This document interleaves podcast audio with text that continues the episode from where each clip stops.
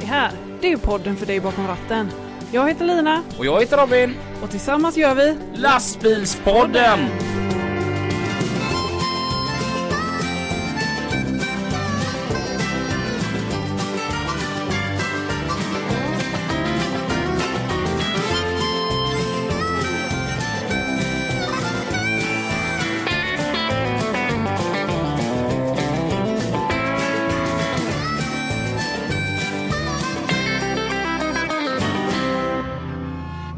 Hallå allesammans! Hallå! Hej, gö- gött att se er igen. Ja, eller höra. Ja, eller, ja det, det, det är så gött att vi hörs här varje onsdag.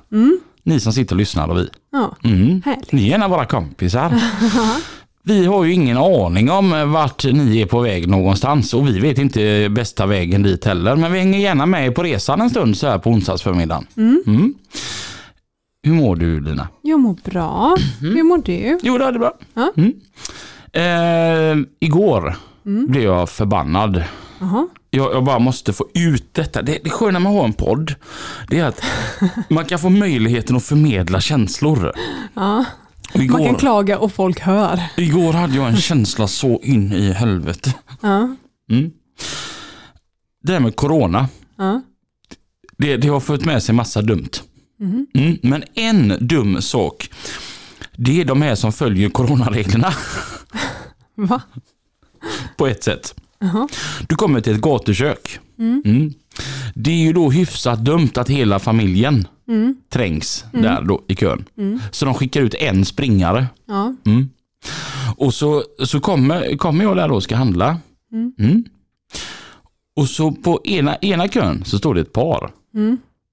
I andra kön står det en ensam man. Ja. Ja, ja, han ska ju bara ha en halv special vet du. Yes, ställer mig bakom honom. Och det blir hans tur och så bara, ja, en 150 ost och bacon där då med meny då. Mm. Och eh, två halv special, en french hotdog, en stycken köttbullar med mos. Och du vet, till slut börjar jag säga, fan ska du köpa aktier i den här jävla korvkörren eller vad fan är det med dig? Jag ty- tycker sådär att Ska ni nu vara så jävla rediga och bara skicka med en i familjen? Skicka över med en skylt som visar hur många personer han ska handla för. Ja. För att om man är lite låg i sockret Ja. så är man ganska lättretad. Jag trodde jag skulle slå ihjäl han. Ja. Men du gjorde ingenting, du stod där så här svensk liksom. Ja, ja. Och bara Tre avstånd. inuti Ja, blev ja. arg. Jag upp, upp med telefonen och gör ett inlägg på Facebook. Liksom. Ja. Mm. Men ändå. Ja. Ska ni vara så jävla rediga, var lite redigare till då. Ja. Eh, idag är ingen vanlig dag för idag har vi en eh, har vi gäst ända ifrån Jönköping. Mm. Och eh, vem det är och eh, vad han tycker om livet, det hör vi efter trafiken. Yes. Trafiken med Pippi och Mats. Tack för det Lina och Robin. Här har ni Mats Olsson och Pipistrello. Vi hade ju ett sånt underbart hett ämne förra veckan Mats, när det gällde då YKB. Och vi har fått in faktiskt en fråga från Liselott, eh, eller en fråga. Liselott från Ludvika läser tidningen Trailer och där har vi ett jättefint, eh, härligt kommentar eh, om det här med YKB Mats. Ja, just det. Det är från Karl-Olof Salomonsson. Han skriver följande då. Han tycker alltså att YKB är en soptunneprodukt. Och det kan ju låta lite hårt då, men jag ska läsa vad som står här då. Våra politiker och beslutsfattare har börjat få kalla fötter över att YKB-licenserna går ut och därmed stannar Sverige. Lastbilarna håller som bekant i landet igång. YKB skulle redan på idéstadiet hamnat i soptunnan. Att någon förvirrad EU-byråkrat eller politiker kläckt denna idé är varken mer eller mindre ett hån mot oss som har kört lastbil i decennier. Att vi skulle vara oförmögna att köra utan detta lilla plastkort är milt uttryckt löjligt.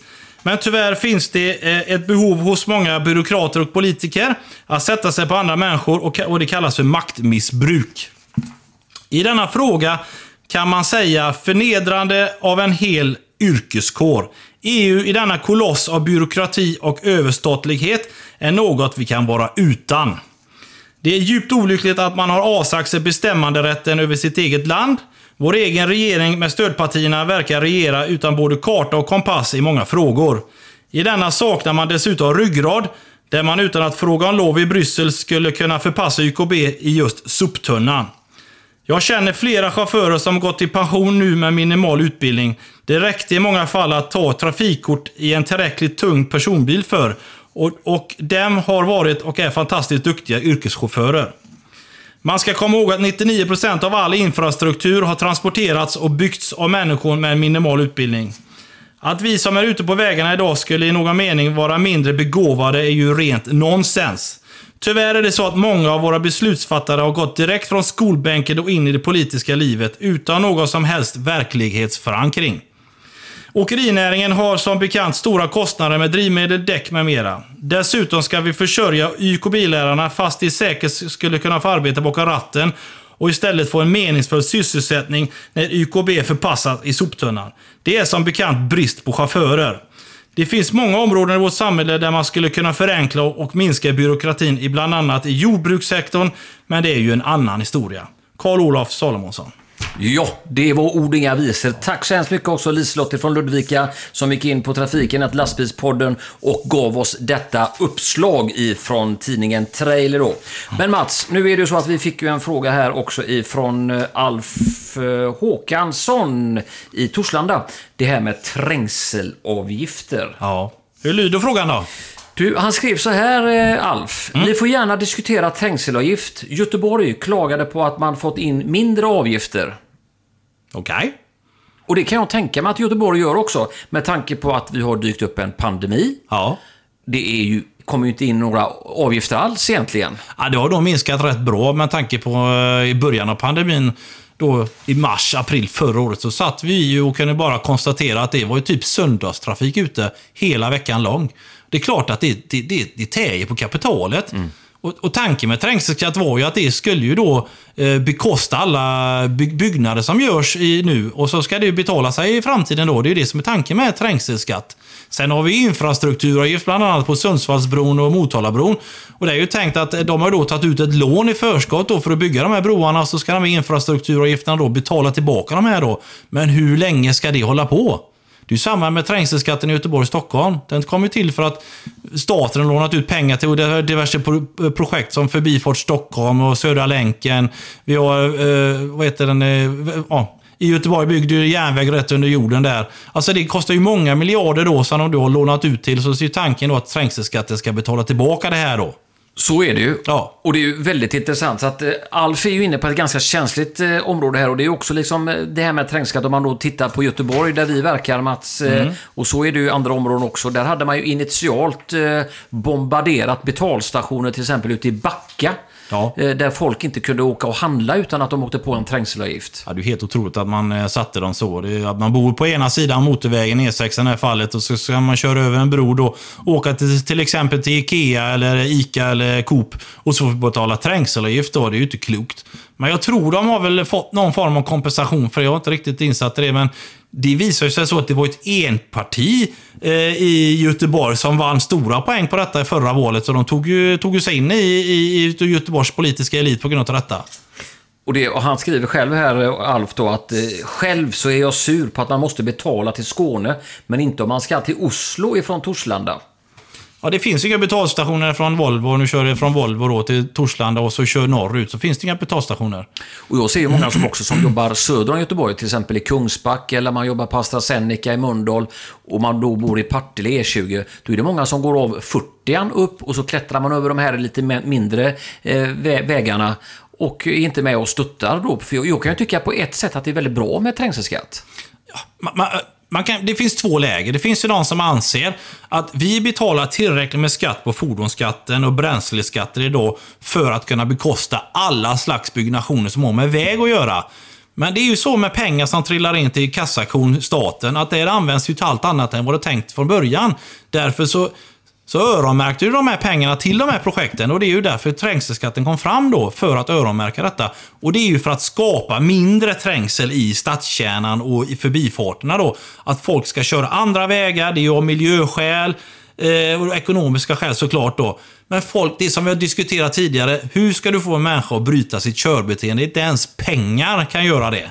Du, det är inte många som kör över Partille eller, eller Borås för att komma runt det här. De kör ju sin vanliga E6, E20, E45 precis som vanligt. Det är likadant i Stockholm. Det är svårt att få bort dem. Alltså pengar, visst. Jag tror eh, maxtaxan per dag var 60 spänn va? Ja, 60 kronor stämmer. Ja, men det är klart, 60 spänn om- om dagen, det blir ju massa pengar till slut då. Jag tror vi hade lite statistik här. Januari här då, då var det 18 dagar med, med trängselskatt. Och då var det totalt antal trängselskattpassager var nästan 10 miljoner. Det är rätt mycket. Utav dessa var utländska fordon 1,9 procent. Utländska fordon är faktiskt med och betalar också. Vad genererar detta i pengar då? Ja, det var nästan... Jag vet inte om det, det står inte här. Det är hur mycket som helst. Men antal eh, intagna belopp från utländska fordon här var 11 200. Men initialt när man startade trängselavgiften i Göteborg så vet jag att de utländska bilarna passerade utan att man behövde betala. Jag tror alltid det är lite barnsjukdomar i alla inkörsportar som det är som. Det är samma när vi kört i Norge. Du har ju säkert kört i Norge också. Ja. Och eh, man har ju hört att eh, man ska få pengar, eh, alltså det ska komma en, en liten avi hemskickad då, men det dröjde ju en, två månader innan den kom. Så jag trodde aldrig det skulle komma något, men det kommer. Ja, det gör det. Och det är ju likadant när man kör upp med motorcykel upp i bergen uppe vid, långt upp i Norge. där. Då är det bommar.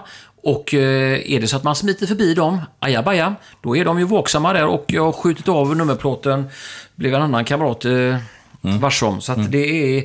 Ja, eh, Alf, det var ett väldigt eh, bra ämne du tog upp och hjälpte oss med. Och eh, det kan vi säkert komma tillbaka i här i trafiken med Mats och Pippi.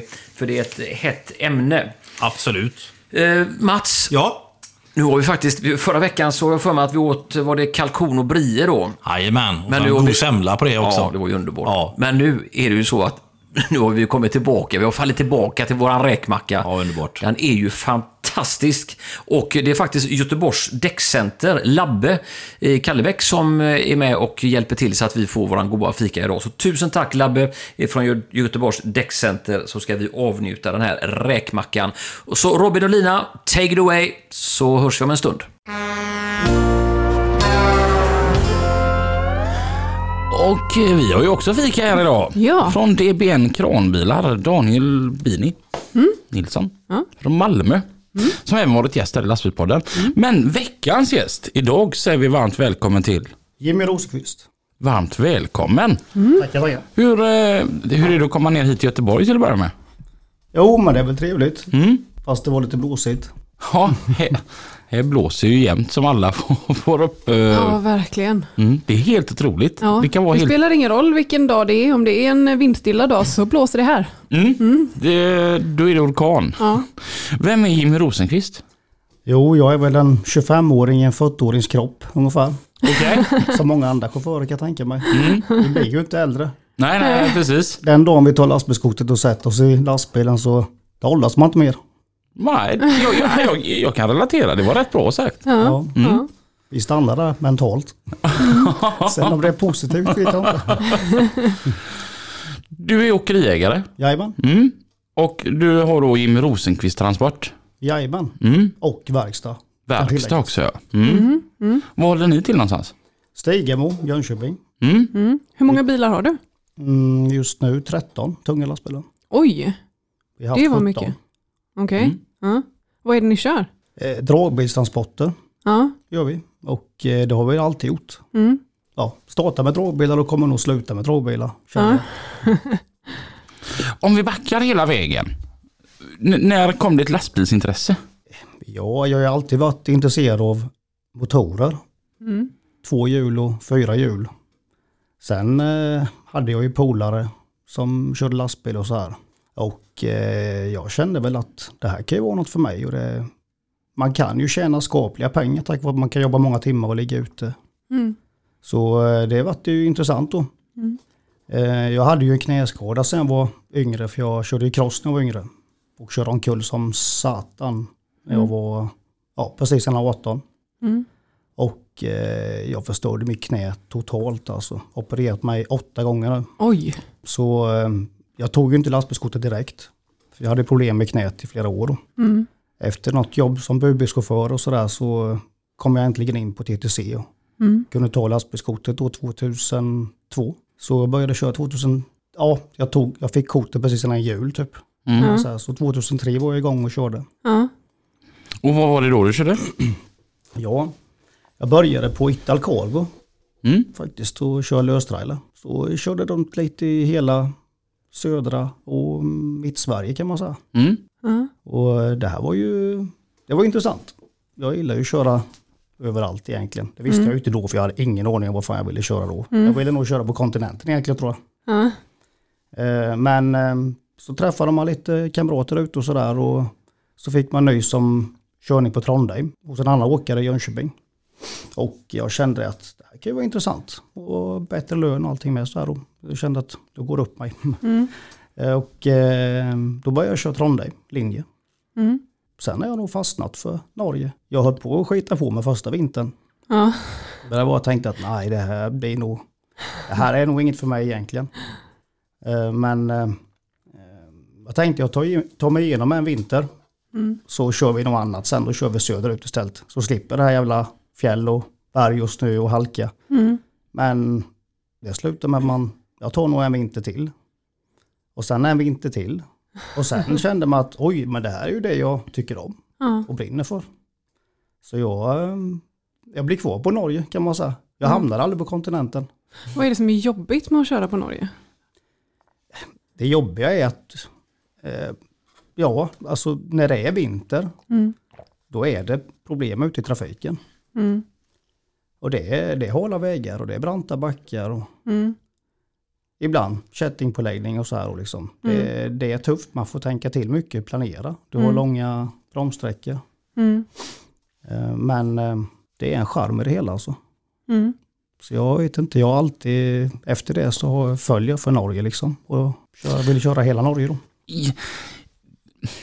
Fan ska jag säga detta så att det blir rätt? Men det, när du säger att det blir en vinter till, en vinter till. Det är alltså roligt att ha det jobbigt.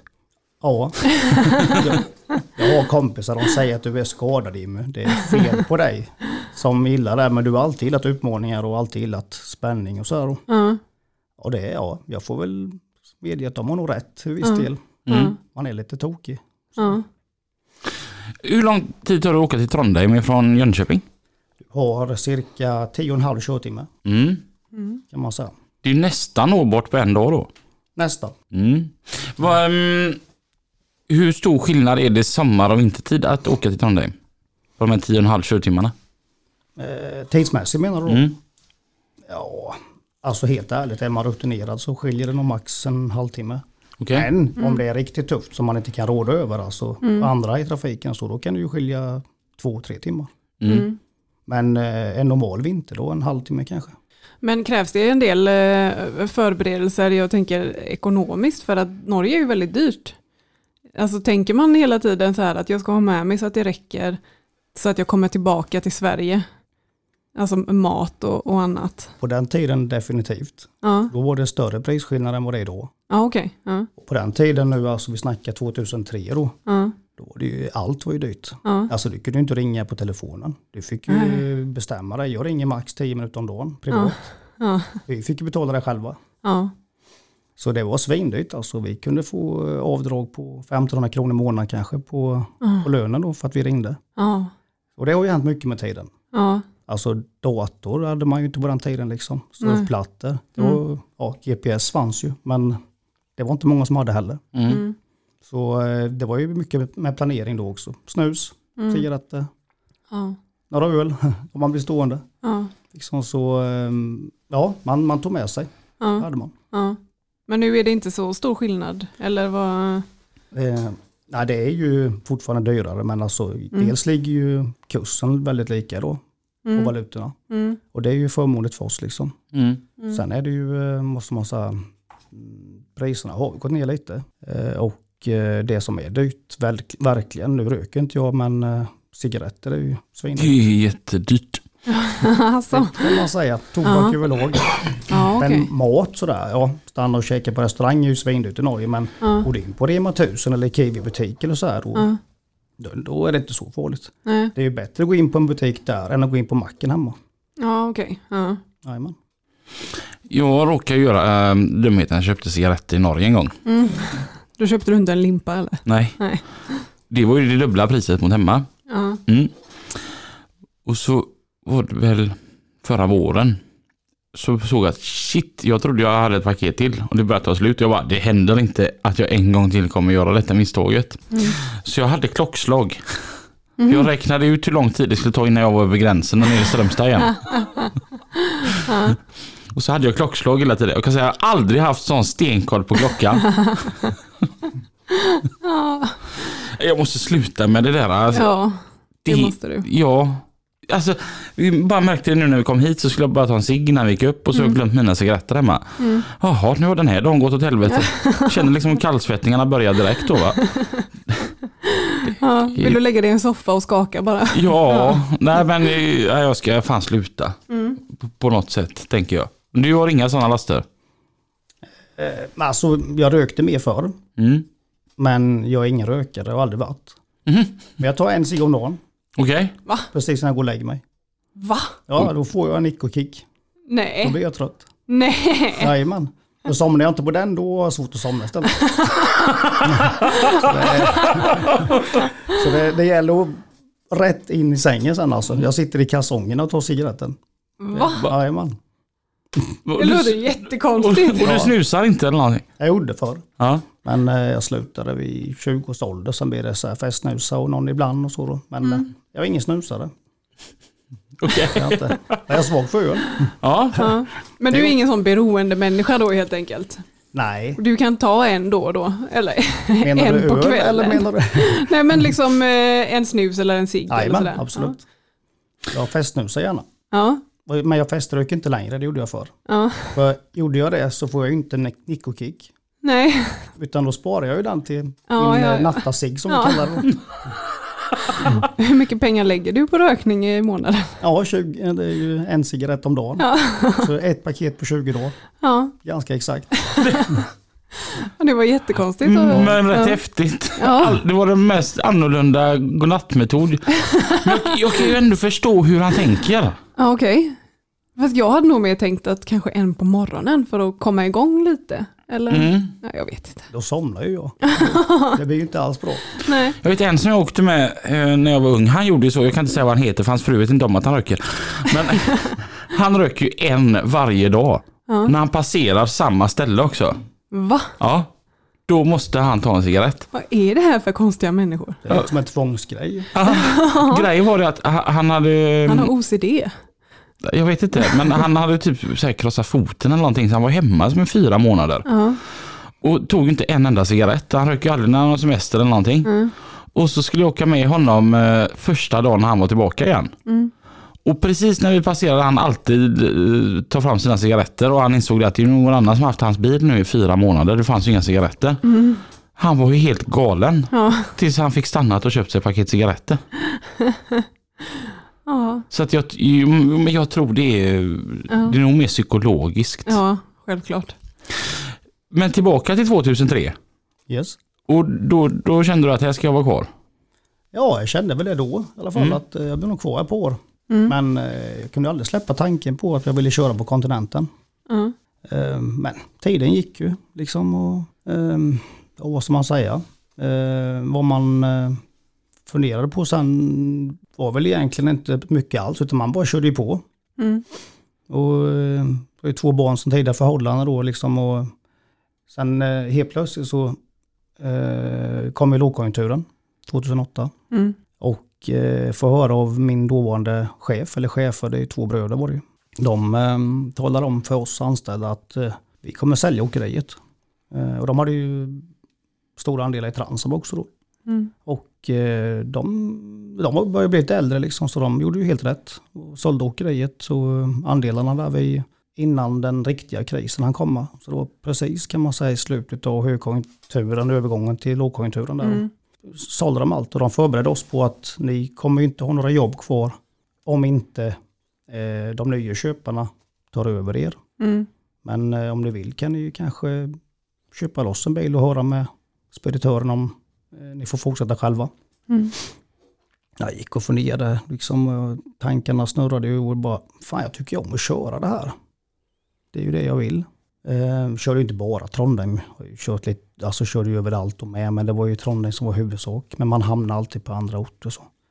Eh, men eh, jag tyckte om det här och jag bara, nej jag tror jag, jag kollar och eh, ser om inte jag kan skaffa mig en egen bil och få fortsätta i egen regi då. Mm. Så jag frågade trafikledaren och trafikchefen och de på DSV Norgeavdelningen i Jönköping om jag fick fortsätta själv då om jag skaffade en egen bil. Och då sa jag självklart, vi tycker ju, vi är jättenöjda med dig. Mm. Och eh, det är ju en trygghet för oss att du fortsätter själv då. Mm. För vi vet ju inte hur det fungerar med det nya åkeriet liksom. Mm. Eh, Så vi är jätteglada att fortsätta. Så jag gick i de här kurserna. Eh, Jag gick inte kurserna fysiskt för jag hade inte tid. Och jag kände Mm. att jag har inte råd heller. För ska jag starta eget åkeri så behöver jag ju tjäna in så mycket pengar som möjligt. Mm.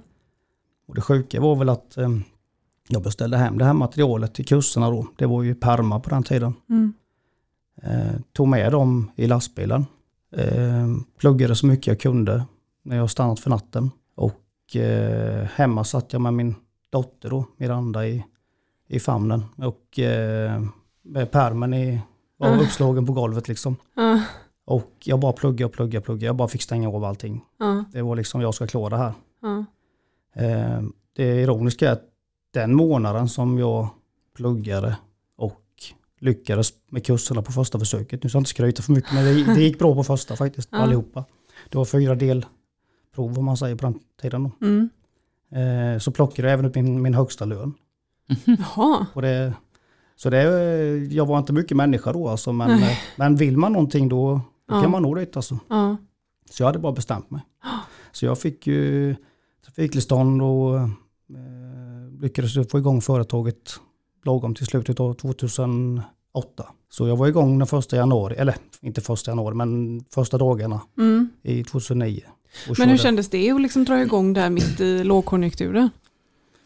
Eh, Jag var jätterädd, Ja. men eh, jag är lite tokig också. Så jag, Ja. de sa, är det någon som lyckas med det så är det la du då. Ja. Envis. Ja. Så det gick ju bra. Mm. Då eh, kämpar man och sliter och man ligger på liksom. Fick ju planera mycket för att liksom inte tappa körningar och sådär. Mm. när det kommer röda dagar och grejer så då är det ju jobbigt. Mm. Våren är ju rätt mycket röda dagar. Mm. Men eh, det gick ju rätt så bra. Mm. Och då, då köpte du loss den dragbilen som du körde innan då eller? Nej, jag gjorde inte det. Mm. Tyvärr är jag ju ingen Volvo-fan. jag tänkte köpa en Scania. Ja.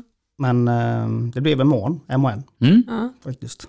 Det var en trevlig bil. Mm. Så det var en MAN jag började med. Mm. 2006, jag tror det var. 480 Mm. med eldstaket. När det kommer till MAN måste jag bara inflika. Det är många som tycker att jag skulle aldrig vilja ha en MAN. Jaha. Men jag, det är sällan man har pratat med folk som har kört MAN som tycker det var dåliga bilar. Ja, jag har hört mycket bra om dem faktiskt. Jag gillar dem. Ja. Hade jag inte velat ha en Volvo så hade jag velat ha en MAN istället. Ja. De nya tycker jag är fräcka. Okej. Har du kollat på de nya? Ja, jag släppte dem lite för några år sedan faktiskt. Mm. Mm. Så jag har varit inne i någon hytt. Vi, vi får ju in bilar för kunder ibland som vi bygger upp nya. Då. Lite Mm. påbyggnad och sådär. Mm. Elektronik och lampor och grejer. Då. Men då har vi haft inne någon ny MAN faktiskt. Mm. Och då, jag har ju rullat den in och ut ur verkstaden och sådär. Mm. Ja, ser trevlig ut, absolut. Mm. Men eh, jag har inte haft någon. Jag har köpt eh, två nya efter det. Mm. Mm.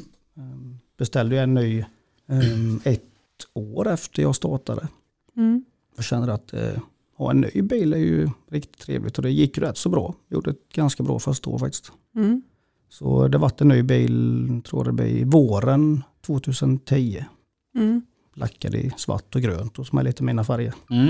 Eh, Och då fortsatte jag ju även med eh, en, eh, ja jag tog, anställde en kille då. Och han fortsatte med min gamla bil och jag tog över den nya. Mm. Sen vart det en och en till efter det. Mm. En tippdragare. Okej, Mm. så det har du hållit på med också? Varit och Mm. kört asfalt med. ja. Ah, Okej, ja. Jajamän. Så um, jag anställde en kille först och körde asfalt åt mig då. Inledde, detta var ju min, det blev ju min tredje bil då. Eh, och jag behöll de andra två. Så eh, vi eh, startade för samarbete med Vättern Logistik. Och började köra asfalt för dem. Men det vart ju, jag körde så mycket för Transab genom dem så jag gick, gick över automatiskt till Transab sen faktiskt. Mm. Körde med Skanska remixen. Mm. Mm. Jag hade anställd första året men eh, sen hoppade jag faktiskt på och körde själv. Mm. Kan inte du förklara vad en remix är för någonting? En remix det är ju en stor maskin som eh, fräser asfalten. Eh, samtidigt som alltså, vi lägger ju asfalt i samma veva om man säger så. Så den fräser ju upp asfalten och så har vi ju hitrarna som värmer upp det. Antar så att det ska liksom få fäste ihop med och den, den gamla asfalten med den nya som vi då lägger. Mm. Så vi går ju och tippar i en, i eh, en läggare som är ansluten till eh, remixen om man säger så. Då. Ja, ja, ja. Så de gör ju allt jobb på en gång, fräser upp och, Okej. och lägger ny asfalt direkt då. Så den gamla asfalten återanvänds? Ja, precis. Mm. Vad smart. Det är ju riktigt smart. Ja. Man kommer långt på ett last du. Det gör man, Mm. absolut. Vi kan gå väldigt länge ibland. Mm. Jaha. Jag vet Jocke när han skulle köra första lasset på en remixer. Så sa han att ställ nu släpet långt, långt bort. Mm. Ja visst, och så gjorde han det. Och så kom han tillbaka och han sa vad helvete vad nära jag kom mitt släp. Det var ena obehagligt. Ja. Han sa jag trodde aldrig att lasset skulle hålla så länge. Men han sa vad grymt det är när man återanvänder den gamla. Ja. Det är väldigt miljövänligt. Ja. Och det, det låter jättesmart. Då är vi på 2000, när du har tre bilar där då. Mm, kan vi vara 2013? Mm. Någonting skulle jag gissa på. Då var det två på Norge och så en Två, asfalt. två på Norge och en på asfalt då. Mm. Och då hoppade jag på och körde själv, jag tror det var 2014. Mm. Mm. Tänkte att ja, men jag får väl testa något annat någon gång, kan inte köra Norge hela livet liksom. Mm. Eh, Men det ironiska var att jag körde asfalt på sommarhalvåret då. Sen på vintern, vad fan ska jag göra nu? För det, det är problem med dragbilar på asfalten. Det är lite svårt att hitta vettiga jobb på vintern. Vi kan Ja. ju inte ploga och så liksom. Nej. Ah, vad fan, jag kör väl Norge på vintern med. Så jag såg till att ha en trailer med tillbakaflyttade stödben och eh, tillbakaflyttade kingpin. Så att jag fick fram trailern så mycket som möjligt. Så jag klarade ju längden precis, eller egentligen nästan precis Mm. i Norge då. Ja. Men eh, så jag körde Västlandet då. Då hade vi tappat Trondheim för den kunden vi hade där uppe försvann Jaha. till en annan speditör. då. Mm. Så då körde jag mer eller mindre linje på Bergen och Haugesund. Mm. Så asfalt på sommaren och Västlandet på vintern. Så det är. Ja, Var det gött att komma tillbaka till Norge då när man kom där på vintern då? ja det var ju det bästa. Mm. Komma dit på vintern och köra på de här jävla vägarna. då, eh, ja, det, och då började man köra Bergen och Haugesund. Det, det var mycket värre än Trondheim. Mm. Då kände jag att oj, eh, nu får man ju börja lära sig att köra lastbil på riktigt. Mm. Alltså det, Trondheim var ju en barnlek igen. För, Ja. men det gick ju där med. Är det när du kör över Hardanger som du menar då? Ja, jag körde ju Hemsedal och Hardangervidda till Bergen. Då. Mm. Så lossar vi Bergentrakten. Sen går vi ner till Haugesund, Karmöy och lastar Hydro. Så går vi Haukeli hem då. Mm. Och det finns eh, på våran Youtube så finns det bilder från den, filmer från den vägsträckan. Så att om ni söker på lastbilspodden på Youtube och så vad döpte vi den till? Norges vackra. Norges vägar Ja. eller något liknande. Ja. Där eh, får ni följa med när jag satt och åkte på väg 13 upp till Hardangervidda. Mm. Och eh, ja, det är inte gott om plats där. det. Verkligen inte. Ont om plats är det jättegott om. Man letar efter de här M-platserna som man kan möta någon om det skulle dyka upp någon Ja. mötande. Eller man ska släppa förbi någon bakom. Ja. För jag är ju sån när det kommer dit att jag ser ju bara problemet, alltså att det är stökigt. Men är, är det, du, tyck, ser du det att det, det, det är roligt med det här stök, stöket? Alltså förstår du jag menar? Att det inte bara blir monotont och tråkigt. Ja, ehm, ibland undrar man ju varför man tycker det är lite kul på något sätt. Alltså det, det finns dagar jag svär åt och tänker att nej jag ska aldrig i helvete köra Norge mer. Eller vad fan gör jag detta för liksom? Men eh, det är ju någon charm med det hela. Men jag kan ju säga att det hade ju inte varit samma sak utan naturen. Nej. Naturen är min belöning för det stöket om man säger så. Ja. Det är nog det enklaste sättet att förklara. Ja. Det är som att vara i ett destruktivt förhållande. Att liksom det finns ändå någonting bra där. Hon, hon är skitjobbig men jävligt snygg. ja men typ. Ja, det var lite annorlunda beskrivning. Men det var så funderar lite. Är, är, det så du, Komplicerad kanske. Men, men ändå får man någonting tillbaka. Ja. är det så du tänker om din man när han vill köpa en ny motorcykel? Att Ja, han är ju precis. jävligt snygg i alla fall. Ja, precis. Det överväger en del. Han har bra personlighet. Säger man om de inte ser bra ut. Ja, ja. Din fru, är hon uh, snygg eller har hon bra personlighet? Så jag var helt ärlig, hon var faktiskt bägge två. Ja. ja. Ja. Henne träffade jag på asfalten förresten. Så. Alltså? Är hon också chaufför? Nej, Nej? hon jobbade på vägjobb. Så hon körde ju sån här följebil, Ja, ja, ja. flaggade. Men sen var hon lite duktigare än de övriga också. Så hon eh, skyltade ju upp och sådär, fick planera arbetena. För det där med skyltning är inte superlätt faktiskt. Tia-planer och grejer. Ja. Så, och där stod hon ju och såg väldigt snygg och söt ut. Ja. Och jag satt och tittade från lastbilshytten. då. Ja, ja, ja. Så plockar du upp henne där. Ja, det vart, eh, som tur var gick vi ut och drack öl någon gång då. Ja, ja, ja. Då fick man ju limma lite. ja. Och det gick bra. Det gick ju bra. Ja, ni har varit ihop hur länge? Det är sex och ett halvt år nu. Ja, sju Ja. snart. Ja. Sju år. Ja, Ja. se där ja. Och eh, jag har nummer två på gång. ja. Oj. Grattis! Jajamän. Kul! Det är om en månad ungefär så hon var rätt svullen som ni såg. Det var inte från julbordet. det var ju inga julbord förra året. Ja, just Nej. det. Nej. Ja. Och, men kör du fortfarande asfalt då? Nej. Ehm, jag gjorde ju det ett par år då. Mm. Och sen träffade jag henne och sen eh, i samband med mm, de här åren nu då med vi träffades så expanderade vi ganska mycket. Mm. Fick ju förfrågningar från kunder och så här på körningar. Och vi gick väl mot en högkonjunktur om man säger så då. Mm. Ehm, och ja, vi fick väldigt mycket förfrågningar så jag skaffade ju en bil till och en bil till. Och så hade vi mycket eh, extra körningar på helger så. Så vi maxade bilarna ganska mycket. Mm. Och eh, det gjorde ju att vi kunde, eh, alltså jag fick ju så mycket trafikstyrning.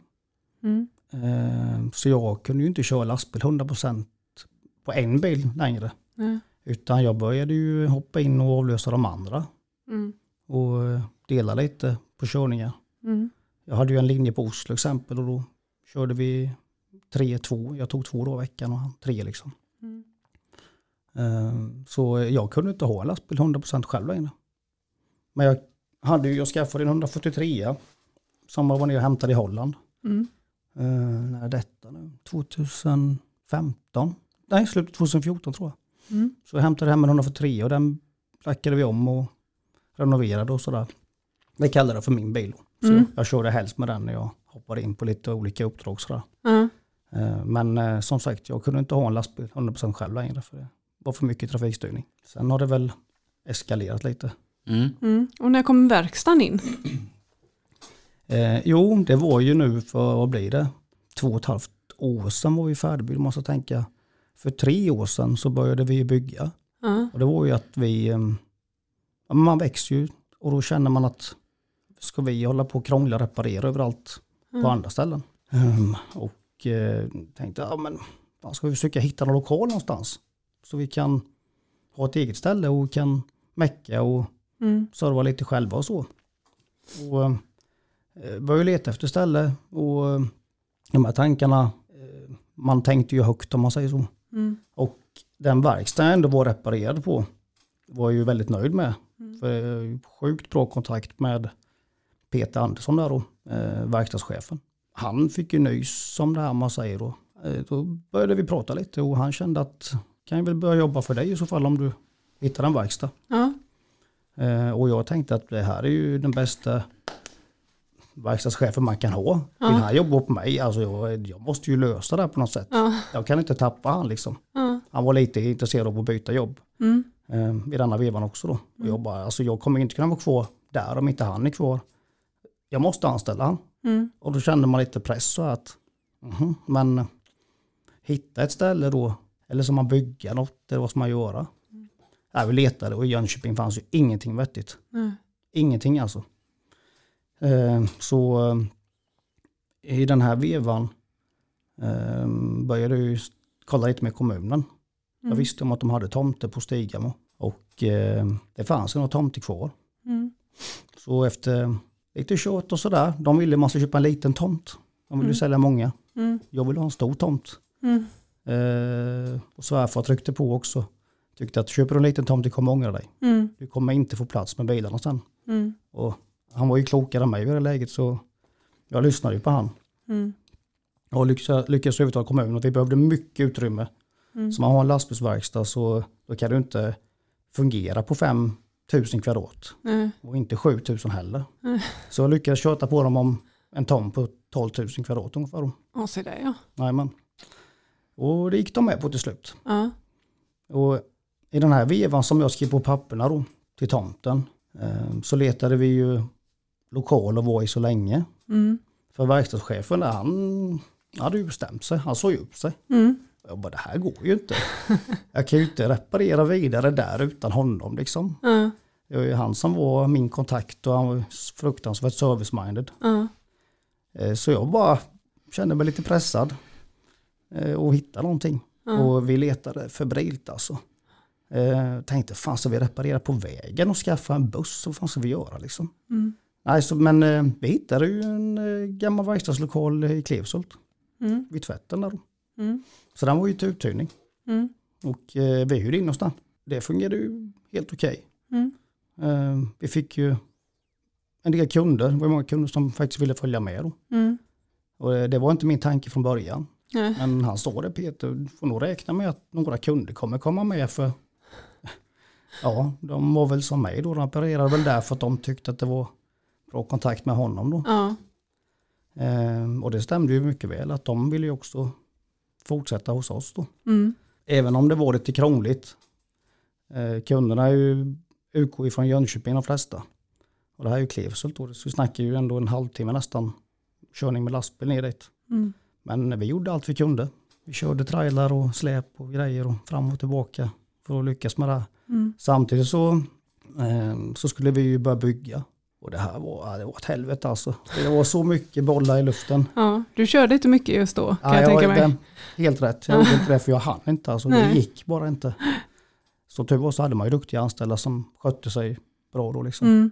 Ja, jag vet inte vad jag ska säga ens. Alltså, det var så mycket bollar i luften. Ja. För då, mycket pappersarbete och det kommun och myndigheter hit och dit. Mm. Och så ska man sy ihop allt med entreprenaden då liksom. Mm. Men eh, till slut kom de igång, jag tror det var i februari, mars. Satte de väl i första spårtåget där uppe på Stigemo. Mm. Sen var det igång. Men det var så mycket problem. Alltså. Jaså? Så mycket problem. Så, Alltså vi trodde att marken i princip är förbannad eller vad säger man? eh, det var ju i och för sig gammal gravplats det där som vi upptäckt. Men Asså? så vi inte var skrockfulla. Nej men vi skojar mycket om det. Det var mycket problem var det. Mm. Ja. Hela vägens gång. Ja. Men eh, efter många om så kunde vi öppna upp med ett interimistiskt beslut på hösten 2018. Va? Jag har så svårt med tider nu, alltså jag har inget tidsbegrepp längre. För två och ett halvt år sedan. Ja. Så då öppnade vi upp mer eller Mm. mindre. Med tvätt och verkstad och Mm. butik. Mm. Häftigt. Ja. Och, och den här tvätten då, då kan folk, så, om- även att man inte mm, har en Jimmy Rosenqvist bil så kan man tvätta sin bil där? Absolut, alla är välkomna. Mm. Helst de bilar som inte står Jimmy Rosenqvist på. Mm. Det ger oss lite mer. Jimmy Rosenqvist-bilarna de ska vara ute och dra in pengar, de ska inte vara där inne och drälla. Vet ju det, skomakarens pike är ju den som har sämst skor. ja, precis. Och som eh, Tony, en kompis med, han sa att en sketen bil det betyder att den drar in pengar. Ja. Och, och vart, vart är detta någonstans då lite mer exakt? Du menar Anläggningen? Den ligger på Stigamo. Ja. Ja, en halv mil till en mil söder om Jönköping. Mm. Kan man säga. Längs med E4. Mm. Vi har ju vårt stora kända industriområde Torsvik där. Mm. Man kan säga att det här är ju en eh, vidarebyggnad av industriområden utanför Jönköping. Eftersom Mm. Torsvik mer eller mindre är uppbyggt för länge sedan. Så eh, då har de ju, försöker de skapa nya områden så vi kan bygga ut Jönköping och industrin och allt. Jönköping är ju ändå ett eh, mecka lite inom transportbranschen. Mm. Och de snackar om att bygga ihop det med Vaggeryd då. Mm. Mm. Vaggeryd kommer ju söderifrån där så Vaggeryds kommun och Jönköpings kommun håller ju på att vävs samman lite då. Mm. Och så är det verkstad där också. Jajamän, Där alla kan få reparera sina bilar. likadant som tvätten. Mm. Så är andra välkomna. Vad är det för öppettider då? 7-16 normalt. Mm. Sen är ju de kanske inte är lika flexibla mekaniker som chaufförer men eh, lite ibland kan man ju tumma på tiderna och så. Mm. så och där är sagt alla är välkomna. Eh, Vi reparerar släp, trailers, lastbilar, maskiner. Och vad säljer du i din butik? Ja, det är ju lite så här att jag har ju alltid gillat att styla lastbilar. Ja. Tycker om att pimpa dem och lacka dem i olika färger och sådär. Och eh, allt det här lullull som jag har på tänkte jag då att fan, eh, vi gillar ju att pimpa våra lastbilar. Och alla andra tycker ju om pimpade grejer med. Så varför kan vi inte sälja sånt som vi själva utrustar våra lastbilar med? Mm. Så då kommer ju idén där med att hmm, en butik, liksom, ska man ändå ha en verkstad och en tvätt så kan det ju vara superkul att ha en shop. Liksom. Ja. Det måste ju vara, det finns ju inte så många. Inte alls många i Sverige eller vad. Nej. Så eh, då kommer den idén där med att vi, vi bygger en lastbilsprylsshop eller vad man säger. Ja. Och eh, om det varit en succé eller inte kan jag säga. Vi har mycket kunder och det, alla tycker det är roligt och Mm. uppskattar ju liksom komma in i butiken. De tycker det ser väldigt inbjudande ut. Och Ja. Vi har mycket prylar uppe på väggar och så här liksom. Så eh, ja, jag tycker det varit lyckat och det, det är kul. Mm. Eh, kul när kunder kommer in och säger att men shit, det här hade jag aldrig kunnat tro att det var så här Mm. trevligt att komma in i en butik så liksom. Så det har vi fått ganska bra antagligen. Det tänker jag ju att en butik som säljer roliga grejer till lastbilar, det måste ju typ vara drömjobbet. Sådär. ja, du har sagt det ett par gånger. Ja, det hade ju varit kul. Ja. Du har väl varit hos oss? Jag har aldrig varit hos er. Det har du inte? Nej, Nej, nej. jag har inte lyckats ta mig dit. Då är det ju på tiden. Ja, ja, för att min eh, kompis som var gäst här för ett tag sedan, Robin Svan, han var där och tvättade. Ja. Han var väldigt nöjd. Ja, men det blir kul. Mm, Han vet, han har varit mycket hos oss. mm. Trevlig kund. Så att eh, jag, jag får väl försöka komma förbi eh, en dag när man har vägarna förbi där. Och plånboken är full. Ja, Fyll den ordentligt, fast vi kan fakturera med. Så det, ja men det är jättebra det. Går det att märka det på andra bilar också? det beror ju på vem du fjäskar på. det. Var, var, jag fick ett litet samtal om att det tvättas lite mycket. Mm. Mm. Så har vi ju en på åkeri som inte tvättar särskilt mycket. Så du lägger över det på han. Jag, jag, jag frågade tvättpersonalen, här, fan det är ändå samma jävla åkeri, kan inte ni skriva det i regelnumret? Jo, jo, inga konstigheter. Jättebra. Helt plötsligt såg det ut som att han skötte sin lastbil och jag fick min bil ren. Liksom. Det var en sån riktig win-win situation. Ja, Det är ju inte bättre. Han, han, han kunde ändå uppvisa på papper att han tvättade sin bil. Han får ta bild på den en gång när han tvättar så kan han visa samma bild igen. Ja, Bara photoshoppa lite. Jag tänker om vi fortsätter på det här med pimpade lastbilar. Mm. Så har ju du en lastbil som skiljer sig från typ alla lastbilar. Undrar vilken det kan vara. Ingen aning. Jag tänker stuket brukar alltid vara ganska samma. Det brukar vara lite double burners, kanske en eh, helsvart grill. Mm, Jimmy Olsson kallar det för MAN-grill. Ehm, och Michelin-gubbar och allt detta. Men så har ju du en bil som bara skiljer sig från alla, alla andra. Vad är det för tema i den? Kan det vara strippklubbstema? Ja, den var det jag menar jag. ja. Den är ju hur jävla häftig som helst. ja den Ja, är riktigt cool. Det tycker jag med faktiskt. Mm. Hur kom idén? Ja, det kom ju lite så här då att när vi hade byggt det här och vi skulle ta ut en ny lastbil eller nästan ny lastbil var det. Den hade gått 7000 mil, Mm. NS 500 då. Och eh, väldigt duktig chaufför jag har, eh, Daffe då. Han eh, har ju fått mycket ansvar. Han har blivit min högra hand. Mm. Jag känner att ska han få en ny bil så får han ju lite extra nu alltså. Mm. Ja, så spåna lite, vad ska vi köra för tema, hur ska vi få detta bra bara? Men alltså, så nu när vi byggt allt det här så kan man ju inte bygga upp en helt vanlig lastbil nu. Det här får ju bli ett ja, flaggskepp eller vad man säger. Och, det är- kanske låter skumt man säger det här, men det är ju så. Är, Man vill ju ha en bil som syns nu liksom. Ja. Vi ska ju synas på vägarna. Mm. Det gjorde vi kanske lite innan också, men nu, nu ska vi verkligen synas då. Nej, och så bara, fan, vi måste göra något riktigt udda. Så bara, fan vad tycker man om liksom? Sen bara, vänta lite nu här, det är ju faktiskt ganska häftigt med atmosfären på strippklubbar. Mm. Det kan ju ingen chaufför säga nästan att det inte är lite häftigt. Mm. Jag tror, eh, ja, jag kan inte säga alla, jag kan inte tala för alla, men många chaufförer tycker att det är, lite coolt med atmosfär inne på strippklubb. Mm. Jaha, men kan man få den känslan i en lastbil, då har man ju något riktigt häftigt att bo i på veckorna. Alltså. Mm. Jag sitter och köra på dagarna och sen på kvällen när man ska slappna av, öppna en pilsner kanske. Då känns det som att man sitter i en strippklubb. Mm. Ja, då kanske inte har någon strippa om du inte har en jävla tur. Men man har ju, får ju lämna lite till fantasin. Nej, så bara, nej, vi, vi kör, vi kör strippklubbstema. Mm. Och då pratar jag med Mailan då, eh, som vi samarbetar med i butiken och så här. Mm. Och bara, kan du hjälpa mig att bygga upp eh, strippklubbsstuk i en hytt då? Ja, vad fan, det är väl ingenting som är omöjligt, så det kollar vi på. Mm. Hur vill du ha typ? Jag bara, vi måste ju ha en stång för det första. Mm. Och sen, ja, häftigt golv och sen är det ju känsla och atmosfären då. Och Ja. då gick våra tankar ihop och vi fick till det. Ja. Han fick till det bra. För Ja. jag ska inte ta åt mig äran för hur det ser ut inuti mer än Ja, men det känns ju verkligen som att man har gått all in. Och liksom alla små detaljer. Och, eh, det är väl handklovar runt, eh, runt gardinerna och lite på, på sätena också. Är det Alltså det är som, Ja, som, som frist... Så, eller så- så- handklovar? Ja, som en- Ha- handbojor. Ja. Ja. Mm. ja. Jajamän. Och vad är det för golv i den? Ja men det är ju ett, eh, vad säger man, plexiliknande golv då. Ja. Som ser ut som, vad säger man, ja du vet belyst strippgolv då. Ja. Mm. Och så är det speglar i taket, eller? Ja, eh, det är ju, så vi skojar om fyrsidig säng då i bilen. Alltså att du har sängen ovanför dig framåt om man säger så. Ja. Och inte bakom dig. Mm.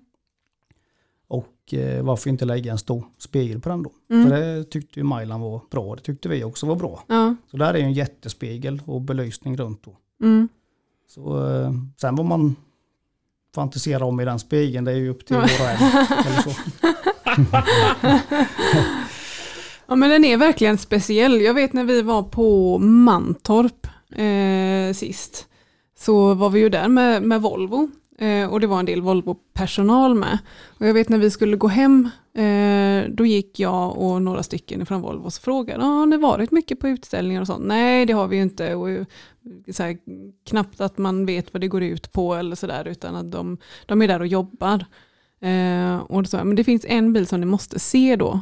Och så visade jag dem den bilen bara för att den är eh, så speciell för någon som inte liksom har ögat för, för små, eh, alltså för, för vanliga lastbilar om man säger så. Sådana som bara har eh, det här, eh, mm, den snygga lacken eller den snygga inredningen men ändå ser vanlig ut. Så, här, men det finns, då får, måste ni titta på den bilen för den ser man ju verkligen att det här är något helt annat. Så de fick gå in där och titta och de tyckte det var jättecoolt. Ja, vad kul att de var där och tittade också. Ja. Vad kul att höra. Ja. Och vi träffade ju din chaufför där, han var väldigt trevlig också. Jajamän, han är alla tiders. Mm. Är han. Alltså, jag, jag tycker den är så jävla häftig. För den är inte lik någon annan bil. Nej, precis. Det är något så extremt eget. Ja, Mm. Man gör det bara inte egentligen. Nej. Alltså, men då, det är då man ska göra det. ja. Och så, så kommer så här, frågan in så här. Många kanske tycker att strippklubbar är lite förlegat. Men, eh, och, alltså, hur ligger det idag? Jag tänker det är lättast att fråga dig då som är kvinna. här. Alltså, vad, vad är din åsikt om strippklubbar? Jag tycker att det är en synd att eh, det inte finns manliga strippklubbar. Mm. Mm. För det, ja, jag är inte emot strippklubbar på något sätt. Jag tycker det är vacker, eh, eh, vackra kroppar, vackra dansar och allt sånt där. Det är tråkigt att man inte får servera alkohol på strippklubbar. Eh, och det är tråkigt med eh, äckelgubbar. Mm. kan jag tycka. Eh, men jag tycker att eh, om någon eh, typ vill, vill göra något nytt så starta en strippklubb för män. Mm. För då kommer kvinnorna ramlandes Det tror jag nog och ja. kastar pengar på dem. Det är lite orättvist det där. Ja, ja men jag menar, jag Fan, tänker... det där var det verkligen en podd vi skulle startat? Nej. Ha? Vi skulle starta en strippklubb där du som satt som eh, slags eh, strippmamma där va? Ja, men och alltså, så jag, har dansade jag. jag har ju tänkt tanken. Att, alltså det hade ju dragit in så jäkla mycket pengar. Tänk alla de här eh, möhipporna till exempel. Ja, men eller- fortsätt inte på det spåret utan vi kan ta det här sen då. Jag tror att det hade varit en succé i alla fall. Mm. Är det någon som har strippat i din lastbil? Det är nog ett gäng ja. Det är det? Ja, men ja för mig kanske det är min sambo. Men, men, men eh, chauffören har nog kanske haft några tjejer inne. Ja, det- vi har haft många som varit inne och dansat. Ja. Alltså när vi var på Power Truck Show i Finland exempel. Eh, kommer fram eh, tjejer och frågar bara, kan jag få gå in i bilen och dansa lite på stången? och, och, de har ju med, någon hade med sig sin kille och så han stod och filmade liksom. Och, För dem var ju det här, det här var ju så stort liksom att oj vilken känsla att få, eh, få testa på det här. Ja. Så det är, alltså vi blir bemötta väldigt positivt. Ja. Det är inte mycket negativt. Nej. Eh, som man var lite rädd för då. I och med att det är väldigt PK i det här landet. ja, precis. Men eh, den delen har jag inte fått se mycket av. Utan det har nästan bara varit positiva re- reflektioner man säger. Mm. Ja, det har varit jättekul alltså. Mm. Sen eh, har vi varit nere i Holland med den också då. Mm. Vi vann ju inte och det hade vi kanske inte räknat med eftersom konkurrensen är ju stenhård där nere alltså. Ja. Men eh, att den var uppmärksammad, ja. Holländarna sa det, om inte vi visste vem Jimmy Rosenqvist var innan den här bilen så vet vi det nu i alla fall. Ja. Och det är ju kul att höra från dem. Ja. Vi känner ju mycket holländare och sådär. Och, Mm. ja, vi inspireras mycket av Holland och Ja. deras stuk på lastbilarna. Mm. Så för mig är det ju stort att höra en sån sak. Ja. Verkligen. Ja, den är jävlar vad lyckad den blev. Ja. Den är wow. Mm. På riktigt också. Ja. Jag har inte nämnt handbromsen än. Nej, den har jag nog missat då. Det är ju en liten buttplugg. Butt Nej. plug. Nej, är det det? Ja, den brukar folk nämna. Och den har jag inte sett. Det måste jag kolla närmare på Ja. nästa gång. Riktigt. Ja. Det går rykten om att den har använts, men jag, jag kan inte svara på det. Det står inte för mig. Jag kan tänka, när man har en sån bil som är så pass känd att det måste vara skit för eh, han Daffe där då att stanna och bara ta en 11 timmars någonstans. För det är nog rätt många, ofta som det kommer fram andra chaufförer som vill titta in i hans lastbil eller? Ja, så Han drar för gardinerna direkt Ja, innan det- han har parkerat. Det är knappt det hjälper ibland. Det är nästan som står och knackar på utanför Ja. faktiskt. Ja. Så, men jag vet inte. Han kör ganska mycket på Nordnorge med. Mm. Eh, Som jag själv kör då. då. Och eh, vi har ändå, mm, det verkar som att han har respekt nog. eh, Så det var mer förr som kom fram och eh, knackade på och sådär. Mm. Sen är det ju jättekul, jag menar. Men ni vet ju det. Det kan vara kul att vara eh, känd och synas emellanåt. Ja. Men ibland vill man ju bara vara i fred liksom. ja, precis. Och så man åker tre mil rätt ut i skogen och för att kunna få sova i fred liksom. Ja. Men det går nog rätt så bra nu tror jag. Ja. Men han har sagt det ibland att nästa bil kanske jag kör en helt vit. Ja, men det är ju ändå så här, när man ser den, så här, där är den. Strippbilen. ja, precis. Mm, mm, ja, häftigt. Ja. Vad, ska vi köra lite mer trafik, eh, Lina? Det kan vi göra. Trafiken med Pippi och Mats. Ja, tack för det Lina och Robin också. Vad intressant det var att lyssna också på åkaren Jimmy Rosenqvist från Jönköping. Alltså vilken kille! Ja, men. Ja, vad härligt. Och tack också Labbe för den här goda räkmackan från Göteborgs Däckcenter. Labbe, tack för det också. Mats, färdskrivare. Jajamän. Vilken grej. Ja, fattar du eller? Har du en sån i din bil? Nej, jag vet inte om jag vågar ha det heller. Nej, men så är det. Tänk om finskan skulle få tag i den och se vad jag har varit och kört. Ja, det är ju illa alltså. Ja, det hade inte varit bra. Ja, färdskrivare, jajamän. Ja, eh, det vet ju alla vad det är egentligen, men vi kan ju läsa lite snabbt om det då. Att eh, färdskrivare är en anordning som enligt lag ska finnas på tunga lastbilar och bussar som ingår i yrkestrafik och som kontinuerligt registrerar hastigheter samt kör och viletider. Och när jag körde buss på 90-talet så körde jag ju för linjebuss och då körde jag eh, vanlig buss, alltså som körde passagerare på en tidtabell. Och då fanns det inga sådana färdskrivare i med färdskrivarblad utan de var ju friskrivna från det. Men de som körde lyxbussarna då så att säga då, och körde folk på beställningar, de var ju tvungna att ha färdskrivarblad i och det var ju tvungna att lastbilarna ha också då för. Men idag har ju det gått över, det är nästan helt borta de här färdskrivarbladen. Idag har de ju digitala kort helt enkelt då. Och det som man kan reagera på då det är att, att lagen då, om nu polisen stannar dig då, så kan de ju läsa på den här färdskrivaren hur mycket lång tid tillbaka som helst och så kan de få böter för sånt som du gjorde i förrgår eller förra veckan. Och inte det som är dagsaktuellt. Vi gjorde faktiskt en sån ganska intressant sak. eh, eh, På Mix Megapol eh, så gjorde vi ett litet stopp ihop med en partner. eh, Och då var det en lastbilskille som stod där, så frågade vi han, kan inte du bara flytta dig lite grann? Och han hade då tre minuter på sig. Och då, ser vi, då är vi tvungna att be honom flytta sig. Och då kommer han ju kanske bara 200 meter längre fram, då är han tvungen att ställa sig på väggrenen för att han får sådana böter. Är detta klokt egentligen? Att, eh, jag tänker, man ser ju det ibland på E6, det kan stå någon i- i stackare där som inte har hunnit av och planerat sin körning lite marigt. Kan man inte bara få lov att åka av? Man kan ställa till jättemycket saker. Är, är det så hårt? Ja, det är det. Och jag tror inte, jag tror inte, jag tror inte tanken och andemeningen från början var att det skulle bli såna här problem. Eh, och jag tror kanske vissa delar av de som är i beslutsfattande inte har förstått vad det är de har beslutat om. Tanken var ju för att skydda alltså lastbilschauffören då och åkeriägaren får inte utnyttja dem han skulle köra hur mycket som helst, hur långt som helst utan kör och vilotider. Och det, det vet vi från förr när jag började jobba på, på Vägverket på den tiden. Att Stenhallfärjan la ju in eh, på, på, till, till, till kaj där kanske ett på natten och klockan två, tre på natten låg de i diket uppe i Vara. Då har de ju precis eh, kört en timme och så har de ju då. Så att, eh, det, det finns ju en tanke bakom för att skydda individen och chauffören och de medtrafikanterna och alla andra. För man ska ju tänka på att en lastbil kan ju väga hur mycket som helst idag. Det är ju som en dödlig projektil som kan slå sönder både det ena och det andra. Så det finns ju en tanke bakom. Men, jag, men såklart att det, finns, det här är ju väldigt kantigt och jag förstår inte hur det kan bli det. Ja, det är ju konstigt. Och jag kan tycka också det om man tittar på andra yrkesgrupper, Mats, då kan man ha liksom en läkare, han kan stå och skära i hur många i folk i hur många timmar som helst. Ja. Och han har ingen färdskrivare på sig. Nej.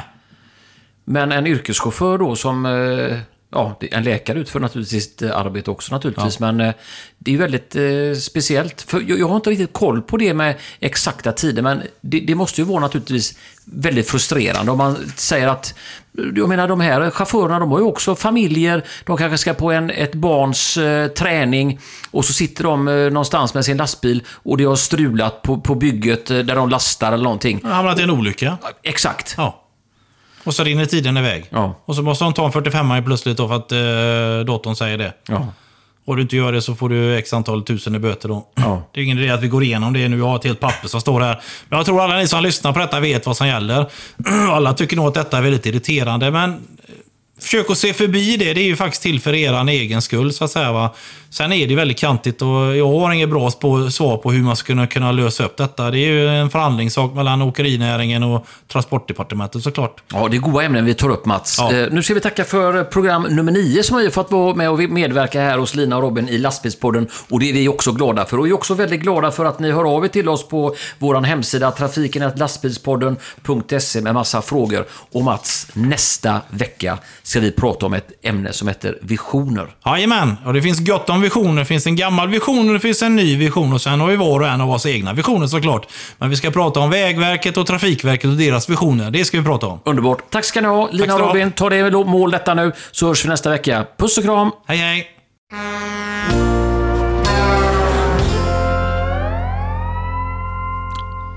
Tack för det Mats och Pippi. Jag tänkte på det som vi pratade om första vändan där. Vad tycker du om det här med YKB Jimmy? Jag tycker att som jag själv då har haft lastbilskort i nära på 20 år så eh, känner jag inte att jag behöver förnya allting varje femårsperiod. Mm. Hade det varit 10, 15, 20 år kanske varit lite mer. Då hinner det hända lite. Ja, Men det händer inte så mycket på fem år. Jag tycker det känns monotont att sätta sig igen och det kan jag hålla med om faktiskt. Jag tycker det är samma. Jag tycker att det är en bra grej, YKB. Jag tänker på min pappa liksom. Han har ju kört lastbil ett tag och fick väl det flingpaketet. Eh. och när jag skulle ta mitt körkort och släpkort och sånt där, alltså fråga han om råd eller eh, ställa frågor om vad som helst. Han hade ju ingen aning. Så att jag tror att det är väldigt bra att uppdatera sig eh, då och då. Men var femte år kan jag känna är lite mycket. verkligen. Hur mycket stöker det till sig för dig som är egenföretagare? Jag tänker med anställda som ska ha det. Jag tänker med planering om man, när de ska lyckas göra det och jag tänker det är rätt stora utgifter också. Mm. Vi har försökt att samla kurserna. Så vi har ju, i och med att vi har lokaler själva nu så kan vi ju till och med få, eh, vad säger man, ÖKB-läraren eller så till oss. Mm. Så har vi kört kurser hos oss. Ja. Och eh, annars samkör vi lite med andra åkerier och sånt. Mm. Ja, det krävs planering. Mm. Gör det. Speciellt eftersom vi har körningar sju dagar i veckan också. Mm. Så det är inte supersmidigt. Mm. Eh, Men det är nästan värre för för chaufförerna eller så. De tycker ju mer det är jobbigt för det, det kanske blir på deras lediga helg då liksom. Så Ja. med familjen eller träffar polare. Mm. Så um, det är lite, lite jobbigt är det när det är UKB. Mm. Ja, Man får locka med en räkmacka. ja men lite så. Vi har faktiskt gjort så att vi har ju kört kurs. Så vi har haft lite personalfest på kvällen. Ja, Såna gång. Då ja. blir det lite rolig grej. ja Liksom. precis. Det är ju smart. Ja. Bra Robin. Mm. Jag Ja. tänkte du, du, skulle, du ville ju ha smäll ifall du tog den. Ja, precis. Eh, Jag har ju det problemet att jag, eh, när jag väl börjar fika, när jag väl tar en bulle, så har jag väldigt svårt för att sluta. Mm. Alltså, för mig, så är, när fikan är slut, då är fikan slut. Mm. Mm. Och när det ligger kvar så måste man ju fika mer. Mm. Och för mig är det idag lite så här eh, dagen efter kvällen före. Ja. Och då får man lov att vara lite onyttig nämligen. Ja, det får Mm. man. Jimmy. Marocko. Mm, just det. Det var lite intressant. Eh, det var så här att jag var på väg ner från Hammerfest. Som jag kör på Nordnorge sedan ungefär 15 månader, ett och ett halvt år tillbaka. Mm. Så eh, var på väg ner från en resa från Hammerfest. Och eh, då får jag ett samtal. Ja, hej, har du lust att åka ner till Marocko? Jag bara, vänta lite nu, vad säger du? Marocko? Jag är ju inte den som är den. Jag gillar ju utmaningar och jag gillar spänning, äventyr, allt alltså. Så jag har ju svårt att säga nej i sådana lägen.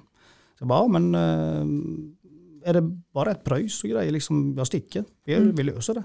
Okej, men ni åker i, imorgon. Visst, nu har jag kommit ner ett bra stycke då. Så jag liksom var ju på väg neråt eller hemåt om man säger så. Mm. Men var ändå liksom precis nedkommen från Nordnorge så. Mm. Ehm, eh, och eh, jag bara tänkte, ja, vi får ju lösa det på något sätt. Men de bara, men det krävs dubbelmanning. Ja, men shit vad bra, men då löser det sig för då får ju han börja köra liksom. Ja. Eller så här. Då, vi löser det på något sätt. Jag bara, vi, vi, vi räknar lite och jag snackade med eh, en chaufför hos mig då som har kört lite på utlandet innan. Eller en del på utlandet. Eh, bara, eh, snack, han hoppade på direkt. Mm. Ja, jag så snackade med tjejen hemma men jag tror det är lugnt. Och så ringde han tillbaka efter tre minuter. Mm. Det var lugnt. ja, nej, så vi, vi kör, så då. Ja, så eh, började vi planera efter, men fan hur ska vi göra nu? Ja, jag får ju åka hem och så packa, jag, tjejen får packa ihop mig och så får vi mötas upp. I, vi skulle ju lasta med då. Mm. Så lastas i Åmål tror jag det var. Och eh, då kunde jag ju hoppa på på vägen ner sen då. Liksom. Så vi kunde ju lösa en annan som lastade upp åt oss först. Mm. Eh, men då gick det någon timme. Så hörde ju de av sig som hade gett oss uppdraget då. Eh, och eh, sa att det blir körning.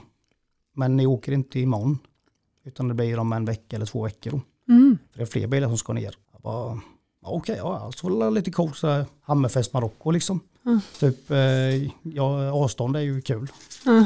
Så men, ja, men skitsamma, det var ju liksom, vi är på liksom. Så bara säg till. Så vi, och det var kanske tur i oturen för det är ju lite planering. Mm. Det är ju, man tänker att fan det är bara att sätta sig och åka, det löser sig, vi löser allt på vägen. Men det var lite tillstånd och sådär för att kunna köra där nere liksom. Och, Ja. vad heter det, grönt kort eller någonting. Det är ju något, någon form av, av eh, kort man ska ha för att få köra utanför EU och så. Då. Mm. Så vi ansökte om det här och det gick faktiskt rätt snabbt. Mm. Så, men det var ju inte fel att få ett par dagar emellan. Ja. Så vi åkte den eh, 2 december. Då åkte vi från eh, eh, Jönköping, eller jag åkte inte för jag var inte med upp och lasta utan det, då löste jag en annan för vi behövde ju körtiden neråt då. Mm. Det var ju så jävla brått liksom Mm. när det väl gällde då. Så vi fixade ju eh, ett containerchassi, en svanhals man svara. Mm. Eh, Och det skulle ju lastas eh, containerburkar på chassit där då. Mm. Eh, och eh, en hög och en låg var det ju. Mm. Och det här var ju till eh, i Marocko. Så i, nere i Sahara så har de ju, om det är en av världens största eller världens största solcellsanläggning. Mhm. Nu trodde vi att det här var exakt till den solcellsanläggningen. Fram tills jag tror det var när vi kom ner. Jaha. Det var, det hörde ihop med det här men det var, det var det, de satsar mycket på solenergi där nere. Och det här Mm. var ju något i och med att de här eh, folken som bor där nere i Sahara har ju lite svårt att få tillgång till rent vatten. Mm. Så det här var någon form av anläggning inom de här containrarna som eh, med hjälp av solenergi så renade det vatten då. Det var någon vattenreningsprocess i den. Ja. Så det fick vi lära oss på vägen ner. Men ehm, det var i sam, jag tror det var i anslutning med den här stora solcellsanläggningen i alla fall. Mm. Det är nog mycket runt omkring som är, vad säger man, hör ihop. Ja. Hur var det att köra där nere? Ja, mm, det var lite antiklimax för vi eh, hoppade på jag och eh, eh, min chaufför, co-pilot. Eh, vi körde ner och vi liksom kom ett bra stycke ner. Eh, och det första kvällen stannade vi väl vid, var kom vi? Vi kom till Frankrike. Måste vi gjort. Vi körde Danmark, Tyskland, Luxemburg och så kom vi in i Frankrike. Det är ju eh, ett tag sedan nu så kommer inte ihåg alla detaljer. Ehm, och så eh, sov vi där och sen nästa dag körde vi igenom Frankrike och eh, kom in ett bra stycke ner till Spanien då. Så tror jag vi stannade i Malaga. Eh, och där tog vi några pilsner och sådär för båten gick ju inte, nu låg vi lite före schemat istället. Mm. Så eh, färjan från Algeciras till eh, eh, Tanger eh, gick ju inte förrän på söndagen då. Och så tog vi en kväll i Malaga och så gick vi ut där och drack lite pilsner och Mm. blev lite bakfulla. eh, och det var jättetrevligt. Mm. Och eh, nästa dag så åkte vi ner eh, över, vad säger man, de här passen i södra Spanien då. Ner till Algeciras.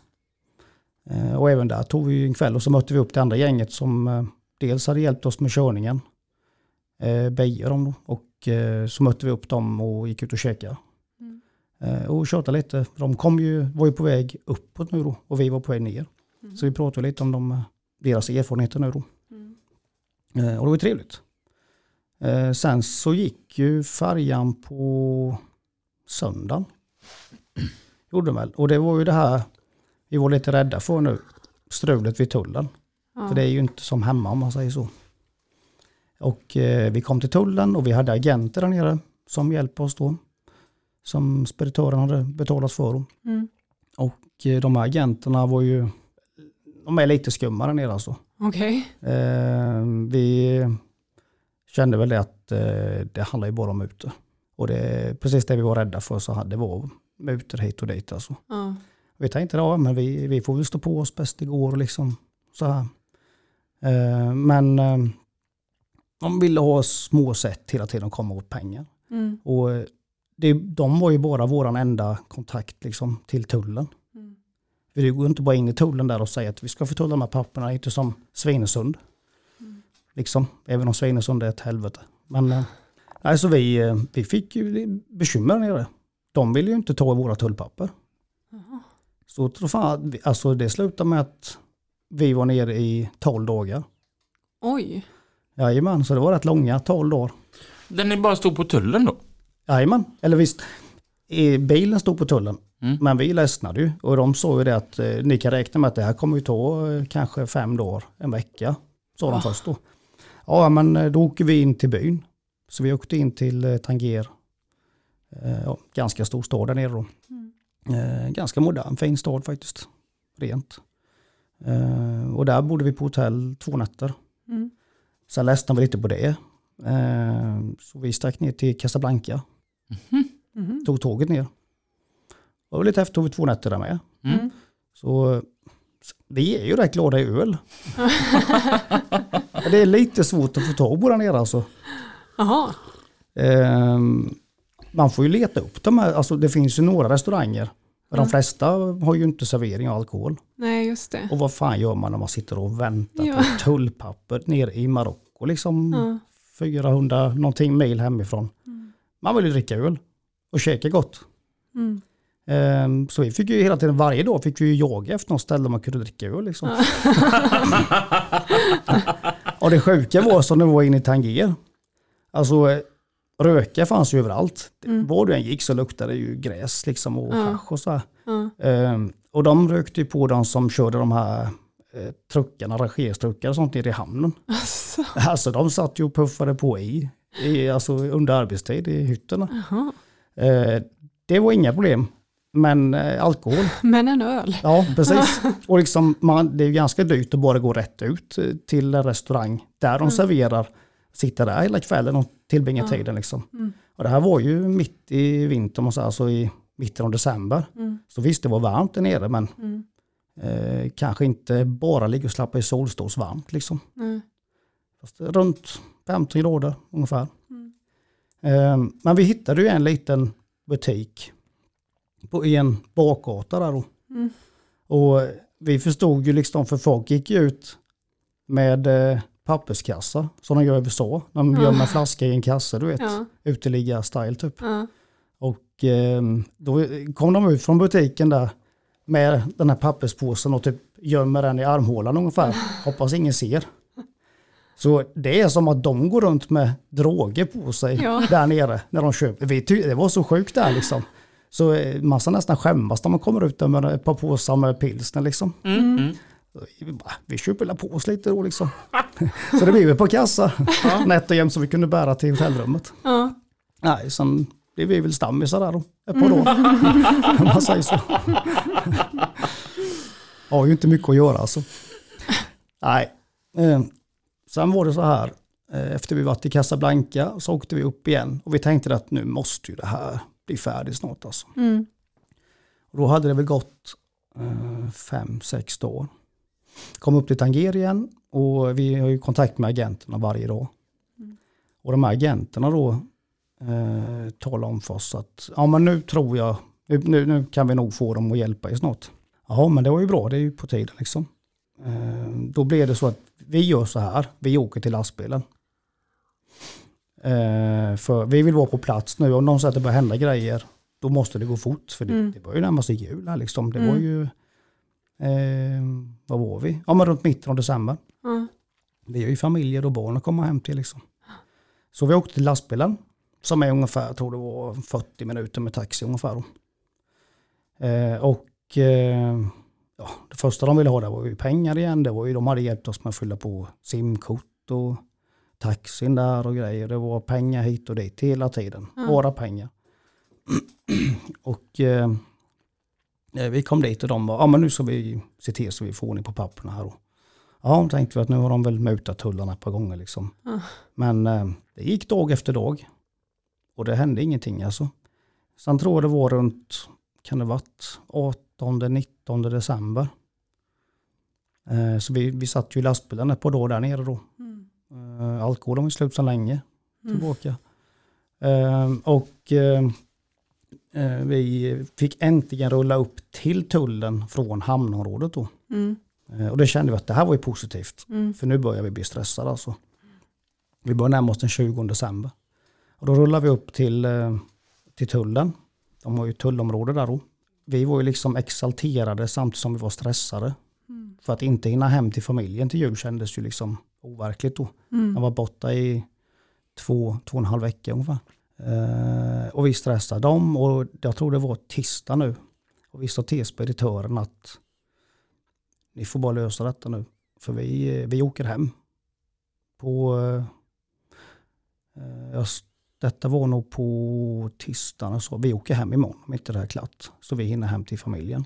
Och vi kollade på flyg och grejer då. Um, och det var ju flyg som gick från Marocko, Uh, jag tror det var Casablanca och även flyg från Spanien. Men från Casablanca var ju inte intressant för det var jag vet, typ 20 byten liksom och det var Mm. alltså sjuka pengar. Ja. Bara nej, det går inte. Ja, så tror jag det blev onsdag med. Och eh, då såg vi igen då att får vi inte åka ner nu på onsdag natten så vi struntar i det. Eh, Det går inte, vi måste hinna hem. Mm. Ja, men det löser sig och de försökte väl sitt också. Eh, Men tullen sket i oss som vanligt. Mm. Hände ingenting. Eh, Så gick ju även den dagen. Och jag bara, nu är det torsdag. Alltså bara, vi åker nu. Vi måste liksom, vi får fixa det här. Och de var ju stressade, alltså eh, de som hade tagit uppdraget om man säger. Ja. Sen det till våran speditör Mm. de nämnde ju att jag tror, de pratade om att det kostade om det var 100 000 eller en miljon om dagen eller något som det här stod still. Ja. Och vi tänkte, jo men det är, tyvärr kan ju inte vi göra något åt det för vi tycker inte det är kul att stå nere. Ja, det är ju betalt för att stå där men alltså man vill, man vill ju göra sitt jobb för det Ja. första. Man inte bara stå och ha betalt liksom. Mm. Eh, Och där nere helt utlämnad. Nej, sen gick det ju till fredagen också. Och vi såg ju det att det här är ju absolut sista dagen. Då hände grejer på fredagen. Mm. Eh, Vi fick eh, flytta från parkeringen till en typ en kontrollplats som man säger så, som en kaj. Och då skulle de ju öppna upp eh, containern och eh, gå in och titta på eh, varorna då liksom. Vad vi hade med oss. Och de hade skickat med lite arbetskläder till arbetarna. Det här var ju svenska arbetare som var där nere som det var svenskt företag också då. Skickade med kläder till dem och grejer. Och då började de hänga upp sig på det, tullarna. Det fick man ju inte ha. Det skulle ju inte vara, men, men alltså, det ska vi ju inte förtulla det arbetskläder till dem där nere då. Och det varenda bult alltså de går igenom. Alltså det var så mycket grejer med det.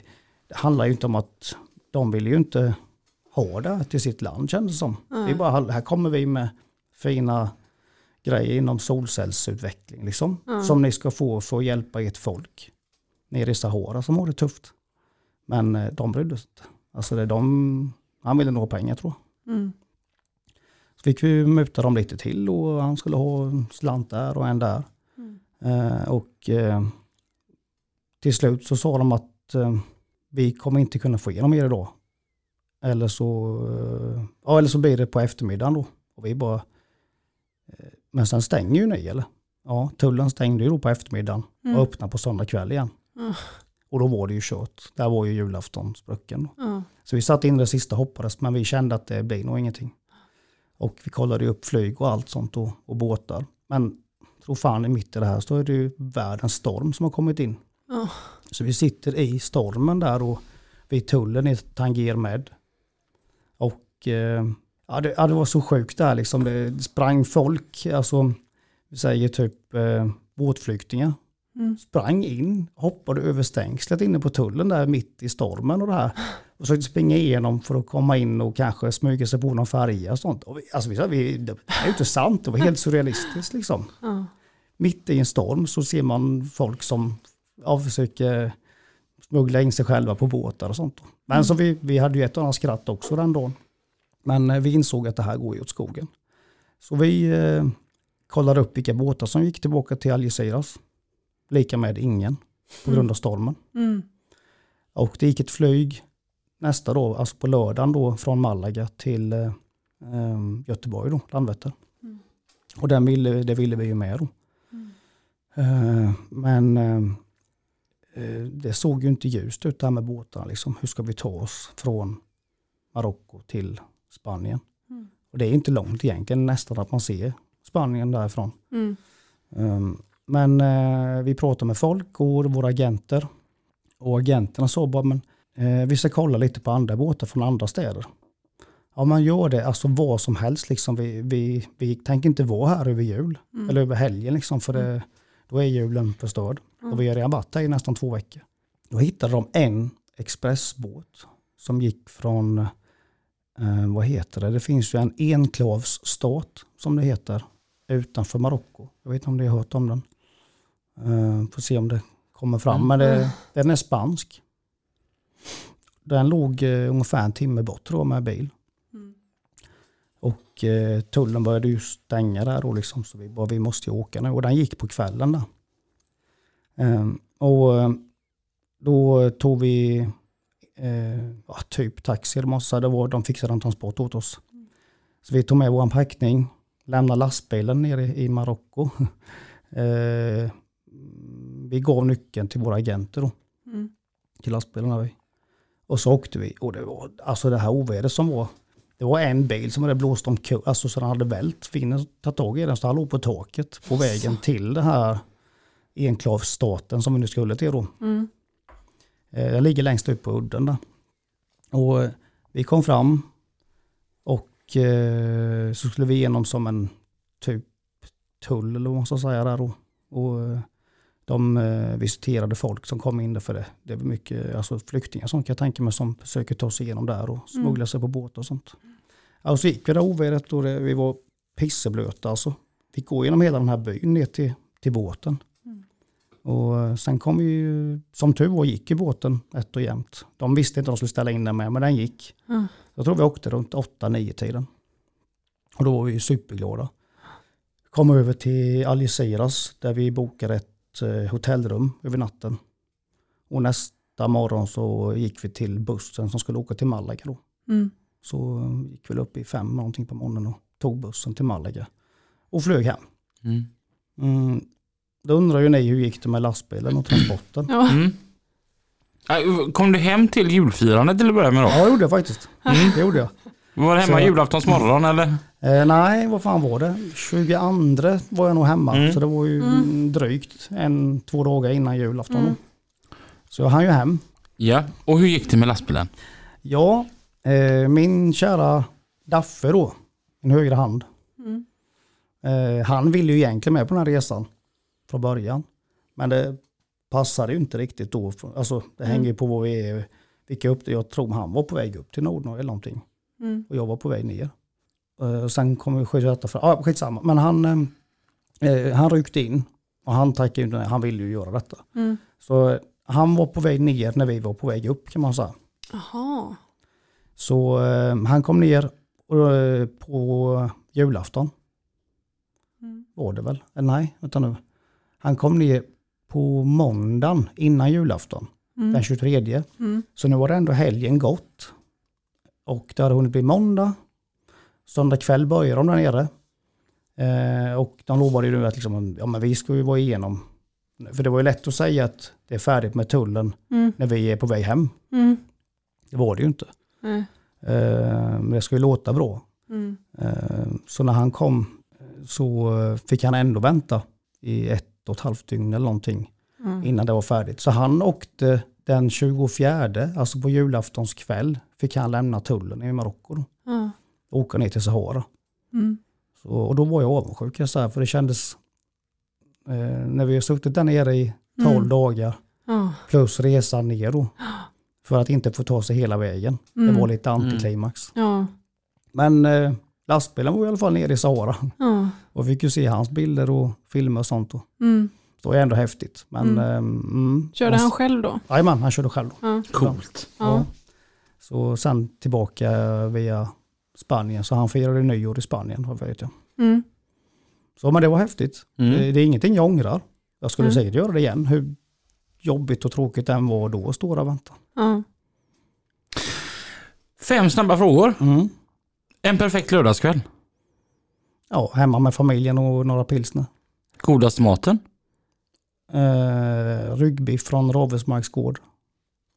Den godaste drycken. Mm, ofiltrerad öl. Drömresmål. Italien. Och vad är det första du skulle köpa om du vann 10 miljoner? Mm. Den fetaste lastbilen i världen. Eh, du gick ut på ett Facebook för en tid sedan och gjorde ett långt inlägg. Om att du inte längre skulle driva eh, Jimmy Rosenqvist. Stämmer ja. Det här har ju varit eh, ett mål och en dröm kan man säga.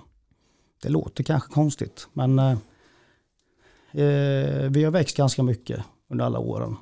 Och jag har haft stöd av min sambo som också nu är varit delaktig på råd i företaget. Och hon är även eh, delägare. Ehm, och alla fantastiska medarbetare och Peter och Daff och så här. Men det är, det är mycket jobb och slit dygnet runt. Jag är trött. Mm. Jag är färdig som människa ibland alltså. Man jobbar 24-7. Mm. Bilen rullar sju dagar i veckan. Verkstaden, inga problem. Jättelätt att sköta en lastbilsverkstad. Mm. Alltså de, vad har de för problem? Oj, vi saknar ett verktyg. Men åk och köp det för helvete. Men om en lastbil krånglar liksom. Ringer på natten och då punktering eller något annat strul. Mm. Eller körtiden tar slut. Alltså, där har vi bekymmer. Mm. Och det är ju dagligen. Mm. Jag har väl, vad är det, fyra, fem lastbilar som rullar idag. Mm. Så eh, som tur var stängde jag telefonen innan jag gick in här. Mm. Nej, så jag, jag är trött. Mm. Är jag. Men jag vill ju inte sälja eller så. Så eh, tagit hjälp av en gammal barndomsvän faktiskt. Eh, kan jag säga så här, när vi byggde så kunde jag aldrig tro att det var så tufft. Ekonomiskt sprack det ju flera gånger liksom. Mm. Budgeten eh, var ju inte alls på långa vägar vad vi trodde från början. Så det, det eskalerade och man blev blåst. Eh, alltså eh, alla skyllde på alla liksom och ska ta betalt för det och det och det. Mm. Vi var överkörd typ. Mm. Men eh, eh, så det var ju extremt tufft. Det har ju blivit några hundår efter. Mm. De hundåren är väl kanske inte slut men eh, jag insåg att eh, jag kan inte bara vara chef nu utan jag måste köra in pengar. Alltså. Jag får inte vara en overheadkostnad. Så eh, jag bestämde mig då för ett och ett halvt år sedan ungefär att jag, jag får börja köra igen. Så började jag köra 100 procent. Jag tänkte att jag ska köra något som jag tycker om. Och i DAF hade ju redan kommit in lite och börjat köra Nordnorge där, så jag hoppade på och körde Nordnorge själv. Mm. Så, nej, så har man kämpat och slitit nu i ett och ett halvt år i lastbilen. Och jag har nog varit hemma max en helg av tre med familjen. Mm. Och andra har jag spenderat ute på vägarna bara Mm. för att dra in pengar. Då liksom. Mm. Men eh, som tur är så har vi kommit över det värsta. Vi var inte långt ifrån att gå under faktiskt Mm. för ett, två år sedan. Och lite mission impossible enligt revisorn men eh, eh, han sa att ni, det är en grym prestation faktiskt att ni har lyckats med det. Mm. Och det är ju inte bara jag, det är ju tack vare exempel Daffe liksom, utan han hade ju inte gått. Och Peter Mm. på verkstaden och alla som har kämpat och min sambo med dem. Mm. Så, eh, men vi, vi kom över det värsta så eh, nu ser det rätt ljust ut faktiskt. Mm. Vi är inte hemma, men det ser ljust ut. Mm. Eh, Och i det här så har vi även fått hjälp av en, min gamla barndomsvän då, Alexander. Eh, Han är ju faktiskt chaufför som tidigare. Och eh, eh, trafikledare har han varit. Och även projektledare på DHL Europa. Så han har bra erfarenhet och bra meritlista. Mm. Och han har hjälpt oss sista året och konsulterat oss och så här. Och jag var på han bara, du ska inte ta över och bli vd eller? Så det här har och han bara, ja, men då krävs det att ni visar bra siffror. Mm. För det, jag hoppar inte på någonting som sjunker liksom. Mm. Mm, men jag ska göra det bästa jag kan. Så det kämpade och slet förra året då. Mm. Och vi har, vi har positiva siffror. Och eh, han eh, hoppade på nu efter årsskiftet då. Mm. Skrev på papperna. Så han började faktiskt för två veckor sedan. Mm. Mm. Så nu har vi en extern vd. Ehm, och folk har hört ryktesvägen då att ah, Jimmy har du sålt och så här. Mm. Så du säljer företag? Nej, jag ska inte sälja företag. Det är mitt företag. Mm. Jag äger det. Mm. Men jag kommer inte vara huvudansvarig längre. Det är inte Mm. jag som styr det. Mm. Jag är inte chef. Och det är en fantastisk känsla att kunna säga ta det med chefen. Det är helt underbart.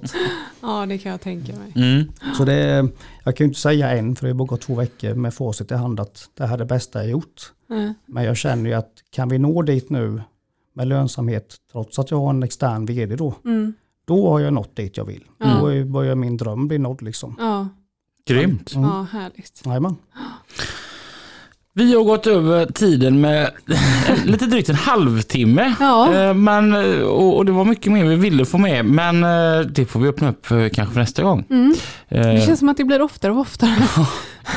Jag tänker att vi, vi får komma upp och kika hur Jimmy och hans medarbetare har det där uppe i Jönköping någon dag. Du vill bara gå in i butiken. Ja. Ja, Ni är sjukt välkomna. Stort tack för att du tog dig från Jönköping ner hit idag. tack. Och Tack tack för att ni har lyssnat. Mm. Vi hörs igen Nästa vecka, tills dess. kör försiktigt. Ha det bra. Hej då! Hej hej.